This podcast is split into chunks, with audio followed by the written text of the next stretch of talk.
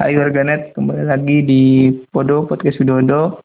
Podcast ini ada dengan tujuan mengarsipkan kenangan saya bersama teman-teman yang saya kenal dan kesibukannya sekarang seperti apa. Nah, sebelum saya canggung dan bingung menghubungi mereka untuk membahas apa, dan kalau nanti saya sudah tua, mungkin umur 40, 50, bisa mendengarkan podcast ini lagi untuk mengenang teman-teman saya yang mungkin sudah susah dihubungi, yang mungkin nanti canggung kalau misalkan menghubungi membahas apa. Nah, di tengah pandemi corona ini, orang-orang pada sadar nih, Nah, terkuangan itu penting. Makanya saya sekarang bersama dengan Kak Mila. Kak Mila ini seorang financial planner. Halo, apa kabar Kak Mila? Halo, Prof. Arif. Alhamdulillah baik. Udah masih WFH atau udah kembali kerja nih? Masih masih WFH, tapi kalau Semarang WFH-nya shifting. Kadang masuk kadang enggak. Oh shifting ya di kantor ya? Ya. Kamu WFH aku WFH anti WFH WFH club masa sih? Iya dong. Oh, baliknya juga jam 3 pulang, jam 9 Eh, jam 4, jam 4 sore masih. Anda fitnah-fitnah ya? eh, ini Kamil mau tanya nih, kan e, berkaitan dengan pandemi corona ini ekonomi agak lebih sulit ya untuk berputar. Nah, makanya ada namanya financial planning atau mengatur keuangan. Apa sih itu sebenarnya financial planning? Emang harus banget ya keuangan itu diatur? Oh, oh financial planning. Ya, emang semuanya kan butuh diatur biar biar berjalan dengan lancar kok. Gak cuma keuangan ya kan? Iya sih. Nah, financial planning itu uh, secara garis besarnya sih sebuah instrumen yang untuk apa ya ngatur gimana caranya kita bisa mencapai goals financial kita. Jadi uh, ada banyak cabang-cabang dari financial planning itu bisa jadi kita pengen apa, kemudian gimana caranya kita meramu agar bisa mencapai itu. Misalnya nih, aku pengen tahun ini bisa naik haji, tahun ini udah punya istri, udah punya anak, uh, hidup enak, mewah, per bulan bisa gini gini gini. Atau hanya sekedar ingin mengatur keuangan yang ada misalnya kayak gaji terus diatur. Nah, itu namanya financial planning. Jadi macam-macam sih financial planning itu bisa hanya mengatur uang yang sudah ada atau e, mewujudkan tujuan finansial kamu. Gitu oh gitu. Kan gini ya menurut pandanganku sebagai orang awam itu apa pentingnya pendapatan itu untuk diatur? Kan setiap bulan kita dapat gaji. Terus kalau orang gajian kan stabil lah. Misalkan uh, setiap bulan 4 sampai lima juta. Nah setiap bulan kita dapat dapat dapat terus. Nah ngapain kita ngatur? Karena kita udah tahu setiap bulan dapat segitu dan bisa habis juga di bulan itu kenapa kita okay. terus ngatur Oke, okay. uh, eh, gaji tetap ya. Ya. Jadi income itu tetap dan stabil. Betul. Tapi emang kamu bisa ngatur pengeluaran biar stabil atau enggak? Oh gitu. Ya. Kalau misalnya hidup kita lempeng-lempeng aja sesuai apa yang kita inginin sih, oke-oke aja nggak usah diatur dan pasti semua stabil nggak akan berubah-ubah. Contohnya nih sekarang nih, uh, siapa yang tahu kalau misalnya tiba-tiba di bulan-bulan dua bulan terakhir ini ada pandemi sehingga ekonomi kita sedikit banyak juga uh, kamu oh, kamu ASN ya? Misalnya orang yang apa namanya di sektor-sektor yang dia penghasilannya per hari gitu. Ini kan juga istilahnya di luar prediksi kan Rip? Gaji tetap ya, tapi betul, pengeluaran kan pengeluaran nggak bisa tetap hmm. kecuali pengeluaran pokok ya kan oh iya betul betul betul berarti kalau kayak pandemik gini pasti ada hal-hal ini ya apa misalkan harga naik, nah itu kan membuat pengeluaran kita makin tinggi berarti ya. Intinya sih kenapa uang harus kita atur? Yang pertama biar berjalan dengan lancar. Apa baca kalau misalnya diatur kan biar berjalan dengan lancar. Ya, Artinya uh, kita bisa hidup dengan keuangan kita tuh pos-posnya tuh pasti gitu loh pos-posnya tuh jelas gitu. Nggak uang 3 juta 5 juta semua buat makan doang. Kalau misalnya diturutin kayak gitu ya nanti habis. Nanti uh, bulan pertama pas duit masih banyak makan enak pesta-pesta terus nanti akhir-akhirnya nggak ada duit. Ya intinya uh, keuangan itu harus diatur karena kita nggak cuma hidup sekarang aja. Kita hidup akan sampai nanti-nanti kayak gimana tahun-tahun ke depan gimana dan keuangan kita nggak ada yang ngerti bakalan stabil terus seperti ini atau nanti di tengah ada goncangan atau apa makanya fungsinya pengelolaan keuangan itu menempatkan porsi-porsi uang yang kita punya atau kita dapat itu di berbagai pos yang memang itu memungkinkan eh bukan memungkinkan sih memang kita perlu gitu. Ada di bahan ada di kebutuhan pokok ada di investasi untuk masa depan ada juga untuk cicilan misalnya kalau misalnya memang harus terpaksa punya cicilan ya kan itu juga di dana darurat kayak gitu Oh kayak gitu, gitu ya. Iya iya iya. Berarti ada istilahnya itu pikiran kita untuk masa depan kan nggak nggak semua pendapatan kita harus dihabiskan di saat itu juga ya. Nah. Iya. Soalnya saya kadang ngerasa gini, waktu kuliah misalnya per bulan satu juta misalnya habis, tapi waktu kerja gaji misalnya 4 sampai lima juta atau 8 juta bisa tetap habis kayak gitu. Sama aja maksudnya. Sama-sama aja. Berarti apa ini yang harus saya lakuin nih? Misalnya nah, agar itu nggak habis-habis juga kayak gitu nah ini pentingnya namanya pengelolaan keuangan. Ilmu pengelolaan keuangan tuh penting. Apa ya? Banyak orang yang belum sadar padahal itu tuh harus banget dimiliki harus banget di, di di, di ngertiin gitu loh. Karena ya kayak gitu semakin banyak pendapatan kita semakin banyak juga kebutuhan kita gaya hidup ya kan? Yeah. makanya kalau di dalam financial planning tuh ada rumus tata kelola ada rumus keuangan Rip. gimana tuh 10 10 20 20 50 10 20 20 50 Oh, apa tuh 10 20? Ini untuk yang lajang ya. Oh iya. Ini macam-macam untuk yang lajang. Kalau misalnya kita nih untuk lajang, jadi kita tuh bukan untuk untuk untuk menerapkan pos ini berapa, pos ini berapa tuh bukan nominal, Rip. Karena kalau nominal tuh nggak bisa tetap gitu. Oh, iya. Karena balik lagi ke hukum yang tadi, semakin banyak income, semakin tinggi juga gaya hidup kita kan. Oh, Jadi iya. kita harusnya makainya adalah presentasi. Biasanya kalau rumus yang apa umum banget tuh 50% untuk kebutuhan hidup, kebutuhan okay. pokok, makan, listrik. Kalau misalnya kita mah, iya ya, makan, listrik, bensin, yeah. terus kuota. Pokoknya 50% dari gaji kita tuh harus, misalnya 50% tuh kita harus sudah cukup gitu loh untuk semuanya. Uang bulanan ya? Gajinya, mm -mm, kalau misalnya gajinya, gajinya 5 juta misalnya. Jadi sebulan 2,5 tuh harus harus cukup untuk bayar kosan, untuk makan, untuk beli bensin, untuk beli kota. Kalau misalnya kuliah juga untuk tugas. Kalau misalnya kita yang ini juga buat apa anggaran ngafe-ngafe nongkrong-nongkrong kayak gitu tuh itu kan kalau di usia-usia kita karena nongkrong-nongkrong itu masuknya produktif ya kan itu kalau yang produktif ya yeah. itu juga bisa masuk kebutuhan pokok sih oh, gitu. jadi intinya 50% itu untuk kebutuhan hidup. Oke. Okay. Kemudian 20% untuk dana darurat. Apa itu dana darurat, Kak? Dana darurat itu uh, dana yang harus tersedia.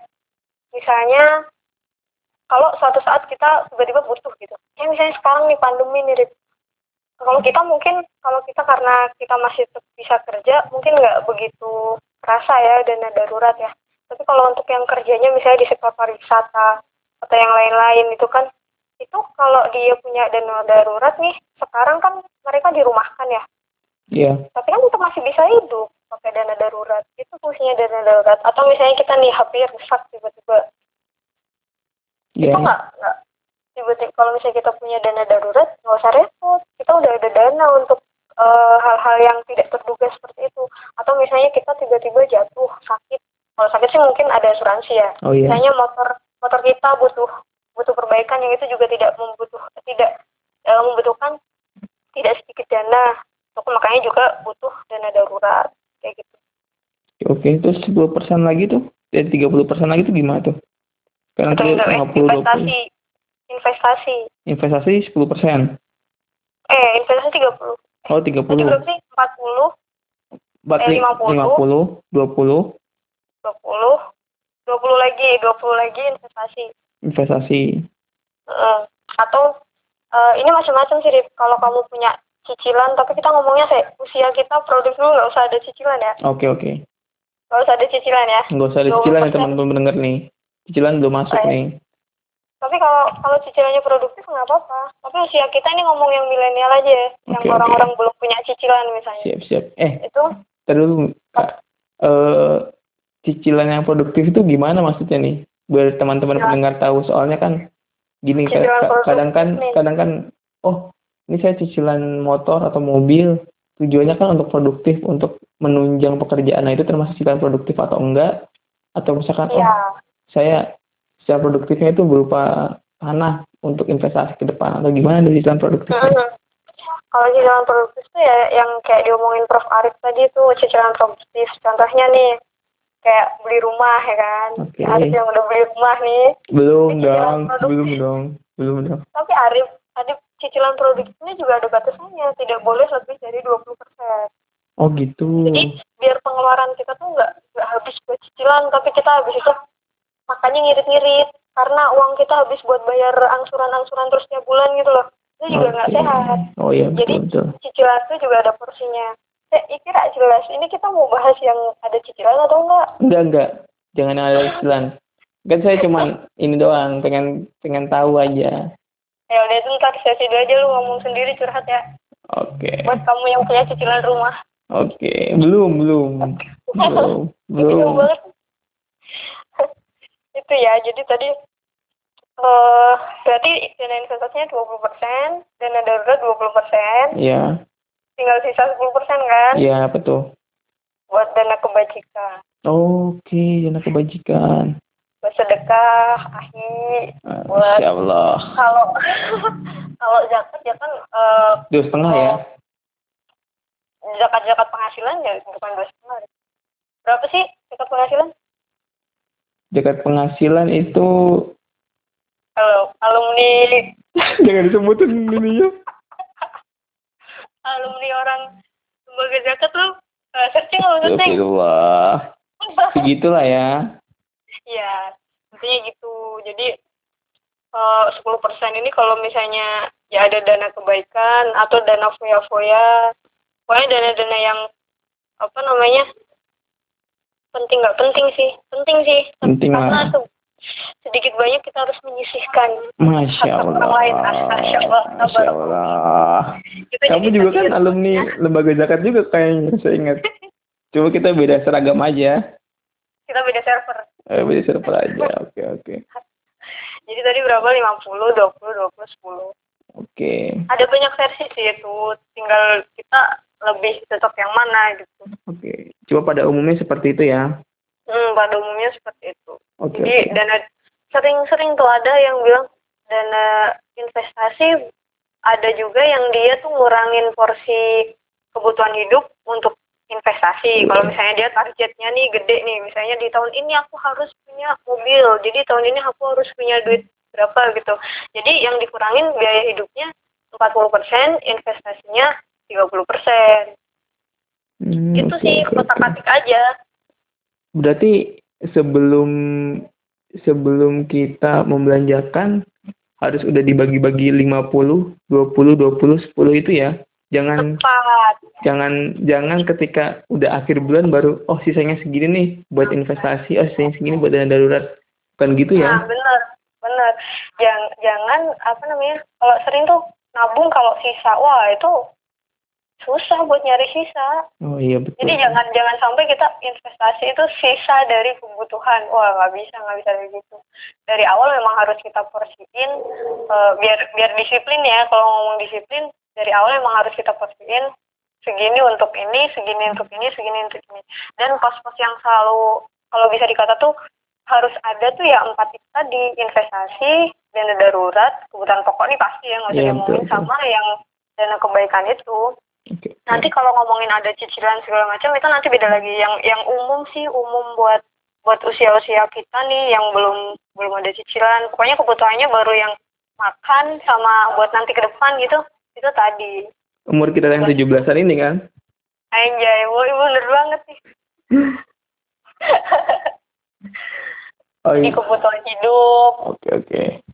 tapi mainnya presentase ya jadi semakin gede apa namanya semakin gede pendapatan kita makin gede juga investasinya Oh iya, jangan bener-bener. jangan itu yang gedein bukan ngomong nominal ini ngomong Persentase. Oke, siap, siap, siap. Diingat, jadi diingat nggak ya, jadi nggak ada alasan nih jadi nggak ada alasan aduh gaji kan dikit jadi aku nggak bisa nabung nggak bisa Oke, siap. kan kita pakainya persentase mau duit lu sejuta mau duit lu dua juta mau duit lu dua puluh juta tetap ini presentasinya dipegang teguh gitu loh Betul, jangan goyah-goyah betul. Dengerin tuh teman-teman teman-teman pendengar. Oke. Ini ada dua hal yang saya masih awam lah. Pertama tentang investasi, kedua tentang dana darurat. Nah, yang mau saya tanyakan dulu investasi dari Kak Mila itu sarannya apa nih? Kalau instrumen investasi apa yang cocok nih buat kaum muda-mudi atau milenial sekarang? oh mudah-mudi Eh, satu hal yang pasti ya Rick Iya. investasi yang baik adalah investasi yang kita pahami Oh, berarti harus lu tahu dulu nih investasi apa ya? benar jadi kamu nanya eh, bagusnya aku investasi di mana ya? Kamu paham apa dulu? Ya nggak sih? Oh iya kalau misalnya ada orang yang eh, ngomongin tiba-tiba ngomongin emas. Padahal kalau timing sekarang nih oh, kemarin sih timing sekarang lagi bagus aku saranin tiba-tiba saham. Jadi dia kan nggak paham saham. Oh iya. kalau dia pahamnya emas ya udah kita pelajarin aja. Jadi intinya tuh semua instrumen investasi itu baik. Asalkan sesuai porsinya dan nggak cuman ditaruh di satu tempat itu yang paling penting apa tuh prinsip investasi yang hype banget Jangan taruh telur di satu tempat gitu ya? Apa gimana sih? Nah, Satu keranjang apa gimana sih? iya Oh, jangan gitu. taruh terlalu Oh yang waktu itu kamu ngajarin gitu ya Kamil? apaan nggak ada kayak gitu jadi yang paling penting investasi yang baik adalah investasi yang kita pahami kalau misalnya kita yang paham reksadana kita paham saham kita paham emas baru tuh kita baru timingnya sekarang yang bagus mana gitu. Jadi jangan tiba-tiba eh, pengen investasi apa ya yang bagus ya? Tiba-tiba nanya gitu kan aku pusing. Anak ini tuh kita ngomongin apa dulu nih? Kamu servernya nyambungnya yang mana dulu Nah, ya iya kan? Betul gitu betul. Jadi investasi yang baik adalah investasi yang kita pahami udah gitu aja. Siap siap. Kalau Kamil sendiri investasinya di mana tuh? Di mana aja? kalau aku sih masa udah buka sih aku di reksadana Oke. kalau di reksadana biasanya aku yang ini sih untuk dana darurat Oh gitu. Terus? jadi prinsipnya dana darurat itu kan kita naruh dana di tempat yang dia satu nggak nggak campur sama dana keseharian dana keseharian kan di ATM tuh. Tuh. yang bisa didebet kapan aja. Bisa diambil kapan aja semua kita. Iya. nah dana darurat kan nggak boleh kayak gitu. Dana darurat tuh harus disimpan benar-benar dipakai ketika kita kepepet gitu loh. Kita memang itu benar-benar darurat jadi kita harus pakai. Oke. itu biasanya aku di reksadana dana liquid. Jadi dana yang mudah dicairkan. Ada Betul. juga reksadana. Hmm, terus aku juga ada reksadana yang auto debit per bulan Oke. jadi jadi mudahnya ini adalah kita nggak ada dalih lagi aduh aku lupa investasi itu nggak ada karena setiap bulan auto Dipotong. langsung dipotong gitu jadi istilahnya sedikit kayak lupa nggak nabung tapi ternyata ada tabungan kayak gitu Yoi. Kayak yang nemu duit di saku celana yang lagi dicuci ya? ya enggak sih kan aku tak monitor coy Oh iya, oke oke. Kalau itu agak beda. ya. Oke, terus terus. agak beda ya itu itu aja sih sama saham tapi sahamnya take a moment kan kebetulan saya kerjanya di sekuritas ya jadi ngerti kondisi kapan pas enak kapan pas enggak jadi aku kalau saham untuk jangka pendek sih buat main-main aja take a moment kayak gitu Oke, oke ya. I see, I. Oh, berarti kalau buat teman-teman pendengar yang masih muda atau milenial misalkan pengen investasi atau lain sebagainya lah mau invest. Kalau ini ke instrumen yang kamu ketahui dan kalau kamu mau belajar juga bisa ya. Apa namanya ke Kak Mila juga ya. Hmm, bisa. Khususnya di Semarang Semarang dan sekitarnya ya. Ya. Oke oke. Tapi instrumen investasi banyak ya Rip. Ya jangan jangan cuman saham sama reksadana doang. Betul betul. Ada ya, aku tadi bilang tadi bilang uh, ketika Arif nanya investasi yang baik itu apa ya Mil? Langsung aja bilang investasi yang baik adalah investasi yang kita pahami. Karena kalau misalnya kita bahas nih investasinya apa aja instrumen semalaman nggak kelar deh betul. Pokoknya yang baik kamu ketahui kalau kamu tahunya tanah ya tanah. Kalau kamu hmm. tahunya apa itu e, emas ya emas kayak gitu kan. Hmm. terus yang paling penting pertama banget e, yang diambil kalau misalnya kita mau investasi adalah tujuan keuangan kita. Oh berarti sebelum ngatur keuangan sebenarnya ada tujuannya juga nih? Iya dong. Tujuan keuangannya apa terus tipe kita sih tipe kita nih orang invest investor yang kayak gimana? Jangan orang yang panikan kayak misalnya pengen yang uh, kecil kecil resiko tiba-tiba main ke saham wah dia bisa ini panik kaget, terus kaget ya, ya panik terus ya yang paling penting kita ketahui pertama adalah kenali diri kita sendiri. Yang pertama tujuanmu keuanganmu pengen apa. Yang kedua karakter kita tuh seperti apa. Kayak gitu. Nanti instrumen investasi tuh banyak biar mereka aja yang nyesuaiin kita gitu. Jangan pusing-pusing dah. Instrumen keuangan tuh instrumen investasi pokoknya banyak banget. Oke oke oke. Berarti kalau misalnya misalnya nih kita nggak mau ada resikonya ini aja ya apa kayak investasi di bank kan deposito kan termasuk yang kecil resikonya ya kalau misalkan mau belajar untuk investasi itu nggak sih? bener. Uh, tapi kalau misalnya mau hitung-hitungan cuan ya, oh, hitungan cuan. Kalau mau hitung-hitungan cuan, kalau kamu pengen yang beresiko kecil banget, itu sama-sama di deposito mending di reksadana pasar uang. Oh, reksadana pasar uang itu kan diinvestasikan ke deposito juga. Oh iya. Nah, reksadana pasar uang itu setauku hampir di semua aset manajemen itu nggak ada fee-nya. 0%. Hmm. Dan yang kedua, reksadana reksadana itu bukan objek pajak. Jadi nggak ada pajaknya. Tapi kalau hmm, misalnya kamu deposito ke bank, pertama nominalnya harus gede. Yang kedua, ada periodenya kan berapa tahun. Iya, iya Terus yang ketiga masih kepotong pajak. Hmm. Returnnya returnnya hampir sama kan apa naik turunnya kan ikut BI rate. Oh iya iya betul betul betul. Jadi kalau sama-sama mau investasi di deposito, aku lebih prefer ke ini sih reksadana pasar uang sama-sama di deposito tapi cuannya lebih banyak karena nggak ada banyak biaya. Iya iya iya oke oke oke. Teliti bung betul betul betul.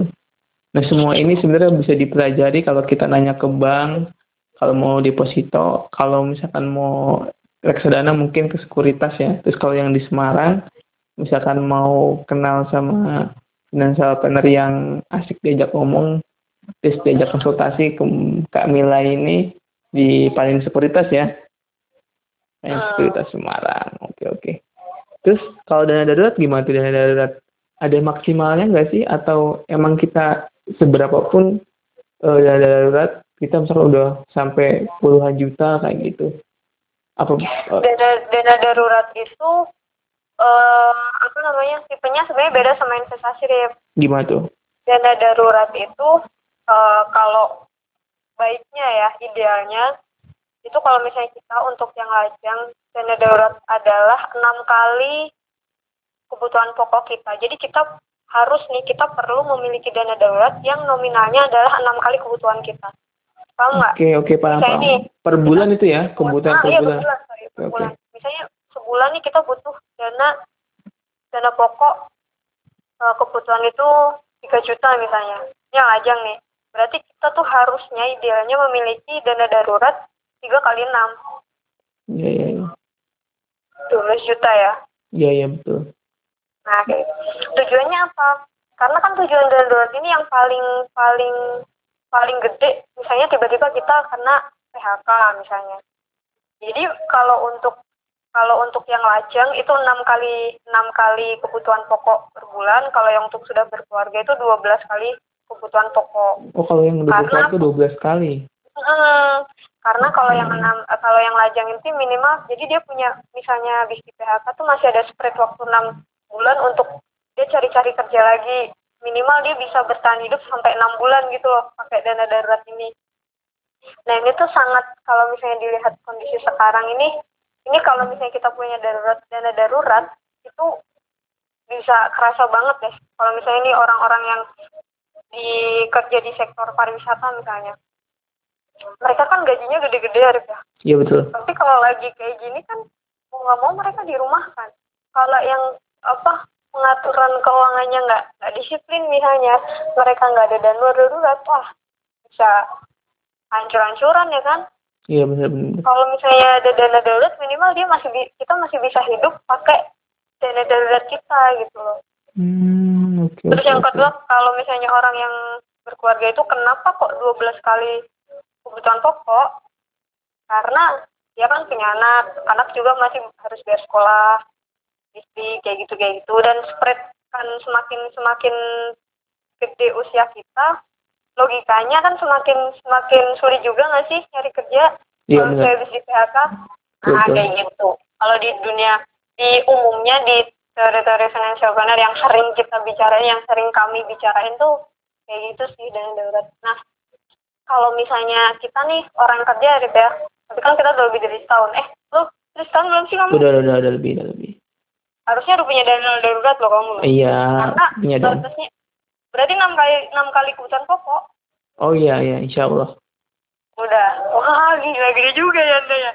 Enggak Nyari lah. banyak guys. Enggak. Lah banyak guys. Enggak kayak banyak gitu. Jadi kan kalau misalnya baru kerja kita nggak mungkin nih tiba-tiba punya dana dana darurat yang gede banget. Itu kita kasih waktu satu tahun idealnya satu tahun tuh maksimal satu tahun kita sudah bisa memenuhi dana darurat kita.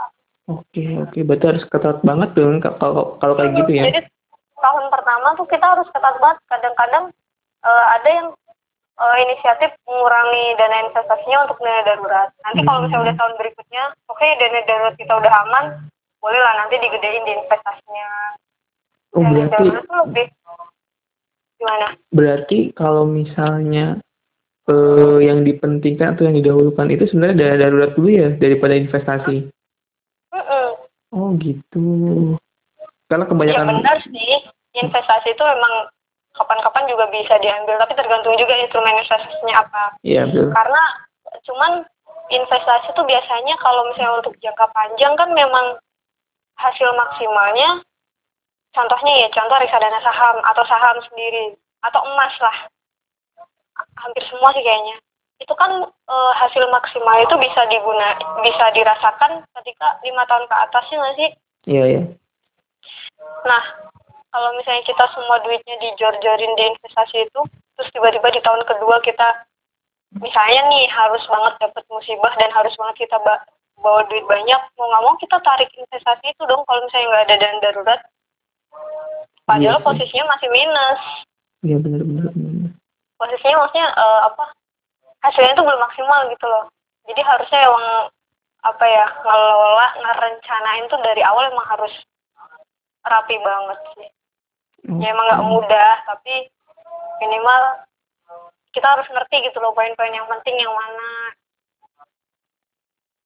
oh berarti gitu dahulukan dulu dana darurat baru dana investasi gitu ya intinya Hmm, intinya tahun pertama pokoknya targetnya tuh setahun pertama kalian kerja pokoknya dalam waktu setahun tuh kalian harus sudah bisa memenuhi dana darurat itu. Yaitu tadi porsinya kalau misalnya masih lajang berarti enam kali apa dana kebutuhan kita. Oke siap siap. Siap siap. Ini juga eh aku ini deh selain ini kan tadi kan contoh untuk orang yang sudah punya pekerjaan. Nah ini kalau mahasiswa nih soalnya kan saya sendiri sering tuh ngelihat meme-meme yang lucu kayak gitu. Kalau misalkan awal bulan makanya di McD terus di Starbucks terus pertengahan bulan makanya di warteg. Nah terus akhir bulan makanya Indomie sama Proma. Nah itu mahasiswa itu bisa nggak sih mengatur keuangan juga atau hanya untuk orang-orang yang udah dapat pekerjaan dan pendapatan tetap kayak gitu. Awal bulan makan di KFC terus kepergok gitu ya, Rif ya? Itu kamu ya? waduh, waduh, waduh, waduh. Semoga Oke, tidak oke. ada yang dengar itu. Oke. Oke, oke. Bisa dong, bisa banget. Tadi kan eh, di di awal kan aku jelasin kalau misalnya eh per- financial planning itu bisa dua aspek. Satu, hanya untuk mengatur eh, alokasi gaji kita.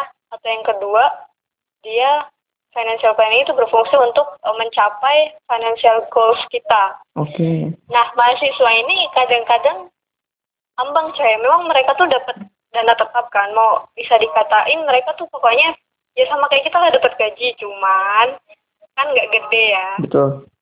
Kan kalau uang saku juga stabil, Rip. Stabil nggak sih? Ya sih biasanya Tapi kadang stabil nggak sih. sih. Kadang Biasanya enggak juga stabil, sih. tapi kadang enggak. Nah, kalau yang stabil itu berarti dia pakai yang porsi tadi yang mengelola gaji disamain dengan mengelola gaji kan sama kan Iya sih. intinya apa namanya rumus tadi lima dua dua satu kan Oke. itu kalau yang eh, keuangannya stabil misalnya uang dari orang tuanya stabil kalau misalnya ada satu sisi yang dia itu nggak stabil berarti pakai cara yang kita list dulu kebutuhan kita apa aja. Terus kita punya dana berapa terus misalnya kurang tuh kurang berapa. Terus gimana caranya kita bisa dapat dana itu. Nah kalau aku dulu karena dulu keuangannya nggak stabil ya aku dulu keuangannya nggak stabil sih. Oke oke. Terus itu gimana aku pakai yang yang tadi. Jadi misalnya nih aku nih butuh ini ini ini ini. Gimana terus totalnya segini. Gimana caranya aku dapat uang segini dengan uang saku segini? Berarti aku kurang segini nah mahasiswa nih kan eh, keren ya. Mereka nggak sibuk-sibuk amat. Beda sama orang orang kerja yang terikat waktu Hmm, terikat tempat ya kan? Nah mahasiswa kan enggak jadi misalnya dia sudah tahu ini harus ditekanin ya. Dia harus tahu dulu kebutuhannya apa. Terus udah nyusun juga eh, aku punya dana segini berarti kurang segini. Itu berarti dia bisa dengan cara mereka disiplin juga nyari penga- apa penghasilan lebih gitu loh Oh, oke, bisa mungkin ikut-ikut nulis ngeles-ngelesin Hmm, lomba-lomba ya kan. Yang Kamila penting banget, Kamila banget. bukan lah Arif lah zaman kuliah sih ya Apa? Saya zaman kuliah, teman-teman pendengar cuma tidur-tiduran doang di kos sama telat kuliah. Ya, berarti lu kan makmur ya, Oh, iya. stabil. Oh, iya, berarti betul, kamu betul. ini kan ngaturnya ini, ngaturnya yang pakai rumus tadi, Iya sih. ya kan? Iya lebih karena irit aja sih hemat karena kita ngontrak bareng-bareng makanya lebih hemat. Tapi tapi ini loh, dulu sih waktu kuliah juga agak susah juga disiplin untuk yang investasi. Kalau dulu aku pas kuliah hampir nggak ada invest, jarang sih jarang naruh uang di investasi. Tapi di dana darurat tetap ada. Dari dulu aku selalu ada dana darurat. Hmm, penting ya Intinya- soalnya. Intinya empat empat empat komponen tadi loh. Ya, ya, ya. kebutuhan pokok, dana darurat, dana kebaikan sama investasi. Hmm. Intinya pokoknya penghasilanmu berapa aja, profesimu apa aja, usiamu berapa aja tuh pokoknya empat itu harus harus ada dulu, harus kamu pikirin dulu gitu. Entah nanti kalau misalnya ada tambahan, ada cicilan segala macam, tinggal otak atik aja itu empat itu. Hmm, oke oke Itu oke. tadi empat dasarnya. Jadi kalau misalnya selama jadi mahasiswa bisa ngatur keuangan nggak? Bisa banget lah. Kan juga sama kayak orang kerja ya kan. Mereka juga dapat duit ya kan dari orang tua. Iya benar sih. Nggak ada bedanya. Gak ada bedanya sih ya. Berarti bisa banget teman-teman pendengar kalau misalkan kamu masih mahasiswa untuk ngatur keuangan. Dan penting banget ya. Atau mumpung mahasiswa nih belum banyak eh, kebutuhan. Bisa juga mulai investasi sejak dini. Pakai dana-dana kecil nggak apa-apa. Main-main saham, main-main reksadana, main-main emas. Apalagi kalau buat orang-orang yang sering lomba, sering-sering dapat uang kaget. misalnya. Uang kaget tuh kayak yang di film eh yang di sinetron eh yang di TV itu gitu. Apa gimana? uang kaget kayak misalnya misalnya kayak kayak yang apa bintang tamu podcast pertama tuh oh iya. Siapa saudara Iqbal dapat duit ya kan dari nulis. Kan Hmm. istilahnya kalau mahasiswa namanya uang kaget terus iya sih. hadiah-hadiah lomba mungkin uang kaget nah diinvestasiin aja. Hmm. jangan buat makan-makan terus habis. Ya tetap ada 10% buat makan-makan sama temen sih tetap ada. Jangan pelit. Ingat ya investasi itu tuh rapi dalam keuangan tuh tidak melulu pelit loh. Karena ada juga anggaran untuk itu untuk jangan hedon-hedon ya nanti iya harus ada 10% tadi kalau misalnya aku juga nih Rip, ada ada 10% untuk self love apa itu melakukan apa biasanya Eh, pokoknya tuh ada dana 10% untuk self love. Nah, 10% ku kan kan aku bagi sama kalau aku bagi sama dana kebaikan. Jadi intinya self love-nya tuh Oh, gitu. aku porsinya sedikit lah. Sebulan tuh paling cuman 200 300. Nah, misalnya aku pengen pengen barang yang harganya tuh 700, berarti aku ini nunggu tiga bulan untuk bisa dapat barang itu. Iya. Karena anggaran self love ku cuma segitu gitu. Wih. kita harus disiplin di situ.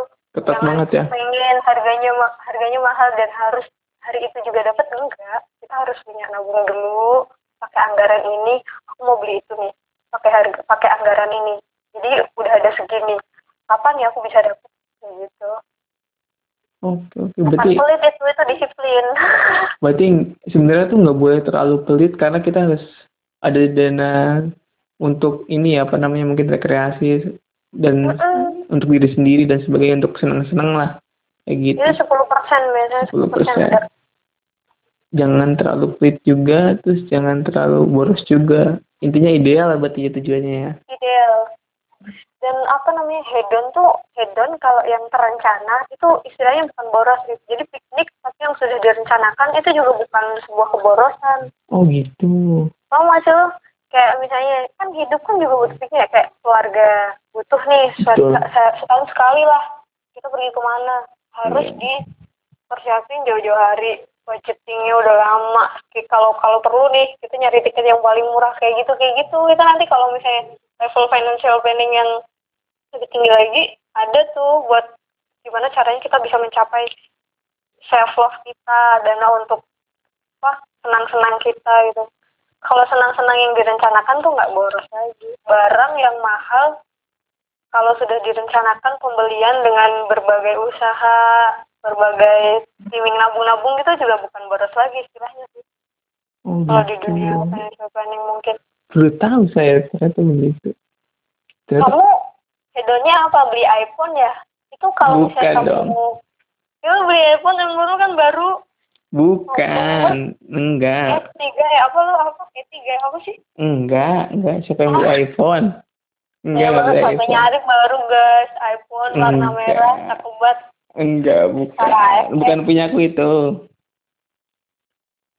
Gak apa-apa Rip, self love Mem menghadiahi diri sendiri setelah bekerja bekerja keras tapi itu rindu eh tapi itu eh, apa namanya kalau misalkan kayak itu kan kayak misalnya kita tiap bulan nih untuk menghargai diri sendiri atau menghargai prestasi kerja kita tiap bulan tuh harus misalkan nongkrong atau jalan-jalan ke mana kayak gitu. Itu misalnya tidak tidak teratur itu malah boros ya. Itu kalau misalkan tidak teratur iya. selama teratur itu berarti tetap disiplin keuangan lah istilahnya ya. Iya disiplin keuangan Oke, jadi oke. eh, ya balik lagi porsi keuangannya tuh harus jelas gitu nggak boleh melenceng-melenceng. Kayak misalnya kalau misalnya kamu hedon tapi pakai kebut- kebutuhan pribadi kebutuhan pokokmu sudah tercukupi kamu ngirit di kebutuhan pokok ya kan? Iya. terus sisa kamu buat hedon apa apa intinya pokoknya porsinya tadi tuh nggak boleh diaru-aru lah. Kamu masih diaru-aru pokoknya oh jadi ini ini ganggu-ganggu. Iya jadi ganggu-ganggu pokoknya investasi harus dua persen kebutuhan pokok kan kebutuhan pokok nih porsinya 50 persen. Tapi ketika kamu bulan ini "Ah, aku ngirit sih hari ini banyak takdiran akhirnya kamu cuma 30 persen sisa 2 persen. Kamu boleh masukin ke investasi atau kamu buat hedon juga boleh. Hmm. intinya tidak merusak porsi persentase tadi. Siap siap siap ini kok tiap tapi kalau yang yang yang boros tuh yang kalau misalnya dananya ngepas terus dipaksa-paksain akhirnya mengganggu akhirnya nggak investasi karena buat jalan-jalan akhirnya nggak ada dana darurat karena buat jalan-jalan nah itu baru yang namanya boros Untung saya ja- jarang jalan-jalan, saya sukanya di kos-kosan. ya nggak ada temen soalnya di sana Eh banyak temen coy. Cuma kan. Itu umurnya cuma baru 30-an. Bukan bapak-bapak. 30 itu menurut mereka belum bapak-bapak. Menurut kamu aja udah bapak-bapak. Eh, selain ini, selain Kamila ini bisa ngatur keuangan, kenapa Debbie itu bisa ngatur keuangan? Sebenarnya Kamila itu usahanya juga ada teman-teman. Namanya Givastor. Givastor itu jualan apa Kamil? investor.id wah malu nih udah lama nggak promosi Waduh. investor.id di di di ini ya di follow ya instagramnya ya Oke. investor.id itu jualan stiker keyboard Arab sama bantal custom Yang yang dibeli itu bantal customnya apa stiker, stiker keyboard alatnya? bantal customnya aja Oh. Kamu menghancurkan usaha teman kamu juga ya? teman kita juga yang satu jangan kayak gitu Astagfirullah. Tapi bantal ba- custom sama bantal customnya Kenapa? itu eh, di tengah pandemi corona ini turun banget nggak sih penjualannya? lumayan sih kerasa lah ya istilahnya kan gini investor tuh ngejual barang-barang yang istilahnya tersier ya nggak sih Oh iya betul betul ya kayak hadiah juga ya. Nah iya di di tengah pandemi ini kalau orang punya duit juga mungkin buat beli-beli kayak gitu kan. Nggak kepikiran buat Ya, beli kayak gitu ya? Kalau kepikiran mungkin juga bakal ditunda ya nggak sih? Oh iya sih. Bener juga sih. Ya tetap bisa diri, eh gak sedih juga. lumayan lumayan dua bulan. Aku udah close order banget sih sejak yang kemarin itu gara-gara yang kemarin itu yang akhirnya akhirnya nggak produktif itu sejak Februari. Oh, Februari, gitu. Maret, April tuh gue nggak nggak ada orderan sama sekali. Lumayan lah income-nya income-nya berkurang banyak. Aduh. Tapi tapi tapi ya namanya ini ya nggak cukup ya kan biasanya aku uang uang buat buat jualan itu memang untuk buat anggaran yang main-main. Nah aku nih biasanya men self love kan nggak dibilang sering sih. Mm-mm. Aku kadang-kadang jalan-jalan kan Jogja gini-gini. Ke mana ke mana ke mana? ke Ketanya kan nggak mungkin teman-teman pendengar nggak dengar soal sih jadi nggak dengar. Jogja dong. Oh, ke Jogja. Jogja kan selalu nyaman tuh main tempatnya. Oke. Kenapa kayaknya sering banget ya jalan-jalan ke Jogja? Ini podcastnya nggak selesai-selesai. Oh gitu oke terus terus. Ya biasanya kalau misalnya eh yang hedon kayak gitu tuh self love setelah aku menghargai bulan ini aku bisa penjualan segini. Oh Makanya aku bisa gitu. main. Kalau nggak ada penjualan ya nggak main. Oh iya iya iya iya paham paham paham. Ternyata saya kira anda jalan, sering jalan-jalan kadang jalan-jalan nih bukan sering kadang Iya, jalan-jalan. sering nggak yang sering ntar udah hujan. Iya kadang jalan-jalan itu karena penjualan bantalmu bagus ya. Nggak intinya duitnya dari situ bukan yang Oh. bukan yang dari gaji sih. Oh iya iya paham paham paham paham. Tapi kan Lumayan kadang sih. kadang teman-temanmu itu yang diajak diajak konser dan sebagainya kan uangnya bukan dari situ kan, bukan dari usaha kan. Ih, Gitu. kita juga usaha juga usaha stiker keyboard Arab. Oh iya. sama yang satunya usaha juga dia gajinya gede kok yang di tukang itu gede kok tenang tenang Oke siap siap. jadi gibah. Astagfirullah, tidak gibah ini, cuman introspeksi teman sendiri. intinya lumayan intinya lumayan ngaruh sih di pastor juga udah berapa bulan ya nggak nggak nggak promosi ya iya udah lama banget. Hmm, Januari Januari Februari nggak ngerti. Terakhir. Ini, udah lama banget ya maaf nih ya oh maaf ya Gifastor tadi. Hmm, ya di follow terus ada websitenya berarti itu ya. ada Gifastor.id juga. Kadang ada giveaway-nya juga. Iya, kalau yang ada giveaway selalu tuh ini yang stiker keyboard Arab. Jadi kalau misalnya kalian beli stiker, terus kalian tempel di laptop, terus difoto, terus nanti diposting, terus dikasih quote-quote, uh, nanti dapat ini hadiah dari ownernya. Oh gitu. Tapi nggak dipilihin itu ya. baca, apanya? Itu berarti nggak dipilihin yang kenal itu yang menang. Hmm, enggak eh ngawur kok. enggak, soalnya jadi dikasih. Oh, dikasih. Kalau yang bantal custom giveaway-nya jangan sering-sering ya, mahal pak. Oh mahal. Sekali lah atau custom gitu. Itu soalnya stiker keyboard itu cocok banget buat teman-teman yang dari perguruan tinggi agama Islam negeri atau yang kampusnya kampus Islam ya. Ya benar. Atau dia yang kuliahnya memang butuh yang Arab-Arab gitu. Oh iya Kampus betul. umum kalau jurusannya bahasa Arab ya butuh, Rip. Iya betul sastra Arab kayak gitu ya. Nanti bisa dikupas bareng teman kita yang satu lagi dah mending. Oh bisa bisa nanti. Lumayan dia pandemi ini kan ekspornya ngadat katanya. Oh gitu. Oh penyumbang devisa negara juga ya beliau. Oh benar karena Mantap. stiker keyboard Arab itu udah go internasional, Oh, go iya. Asia. Jadi Hmm. customernya gede tuh dari Malaysia gitu. Nah, Lumayan lah corona dia kok kehambat.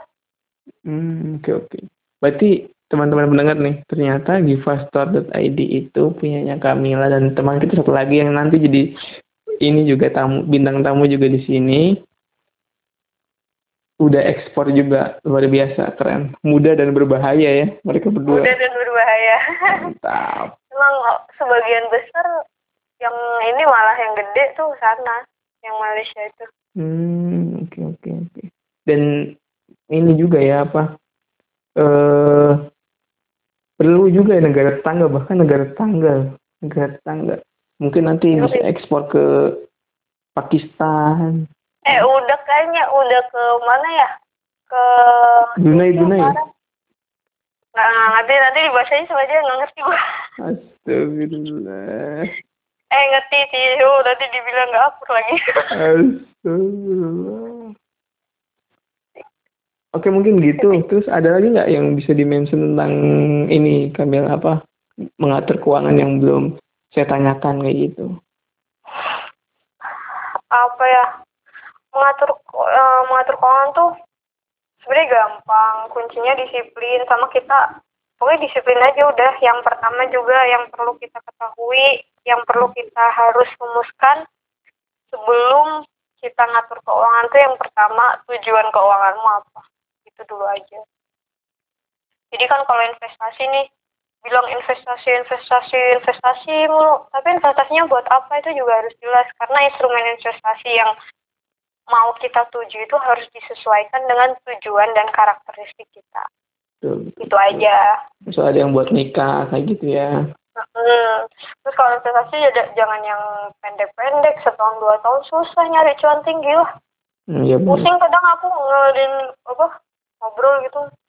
Aku tuh mau ini mah butuh dana segini. Kapan butuhnya? Dua tahun lagi, buset. Terlalu cepat ya dua tahun itu ya. pengennya, pengennya dua tahun, pengen cuannya tinggi. Hmm. Ya bisa, cuman kan harus hati-hati. Ya bisa sih. Intinya gitu, intinya investasi yang baik adalah investasi yang kita pahami. Tuh. kalau mau belajar instrumen investasi itu ada banyak banget jadi pelan-pelan satu-satu dan yang paling paling manjur biar cepat kamu bisa adalah earning by doing Tuh. belajar reksadana langsung buka reksadana mulai dari sepuluh ribu bisa. Hmm, tuh. belajar saham main saham mulai dari seratus ribu bisa. Belajar emas investasi emas. Emas emas mahal ya. Enggak ding ada yang Bisa bisa di yang- pegadaian ada pegadaian. kan di pegadaian tuh bisa juga mulai dari seratus ribu misalnya pasti ada. Atau tanah kalau tanah sih butuh gede. Iya sih. Jadi kalau gitu lah kalau misalnya mau belajar reksadana sama saham itu bisa ke Kamila ya di Semarang di Paling Sekuritas Semarang. iya boleh Siap-siap main-main aja kantornya pasti dilayani dengan baik dan benar. ya bilang aja sembilan itu aja Iya, Apalagi kayaknya kalau di Kamila itu bagiannya tentang syariah syariah lah, insya Allah aman iya dan juga terpercaya. alhamdulillah Masya Allah. Dan juga berkah lah keuntungannya, Masya Allah. berkah Amin. Mungkin gitu aja ya Kamila ya. ya Prof Arif lama banget nih perasaan Masya Allah. Enggak nih sebentar nih kayaknya aku ngerasa kayak sebentar banget masih banyak ilmu-ilmu yang harus digali dari samudra keilmuan Kak Mila ini. wah peres lu ya, eh, kita doakan semoga dampak coronavirus corona ini cepat selesai terus amin ya Allah amin amin juga mm, juga penjualan Givastor meningkat setelah corona ini atau tetaplah minimal saat corona dan setelah corona ini bisa meningkat ya. kayak gitu. Biar kami lebih bisa jalan-jalan juga nih. Mungkin kalau Bentar misalkan, lagi aku order lagi deh bantal customnya ya, ya order order bantal custom biar kami jalan-jalan. Jalan-jalan tapi janganlah kalau punya kalau punya duit dulu beli bahan pokok dulu tuh dulu oh, sampai iya, ini bener, aman. Maksudku jalan-jalannya di dalam rumah aja iya. Karena kan physical via zoom, via zoom. iya via zoom via zoom bener bener bener. Oke terima kasih buat yang udah dengerin. Dadah. Dadah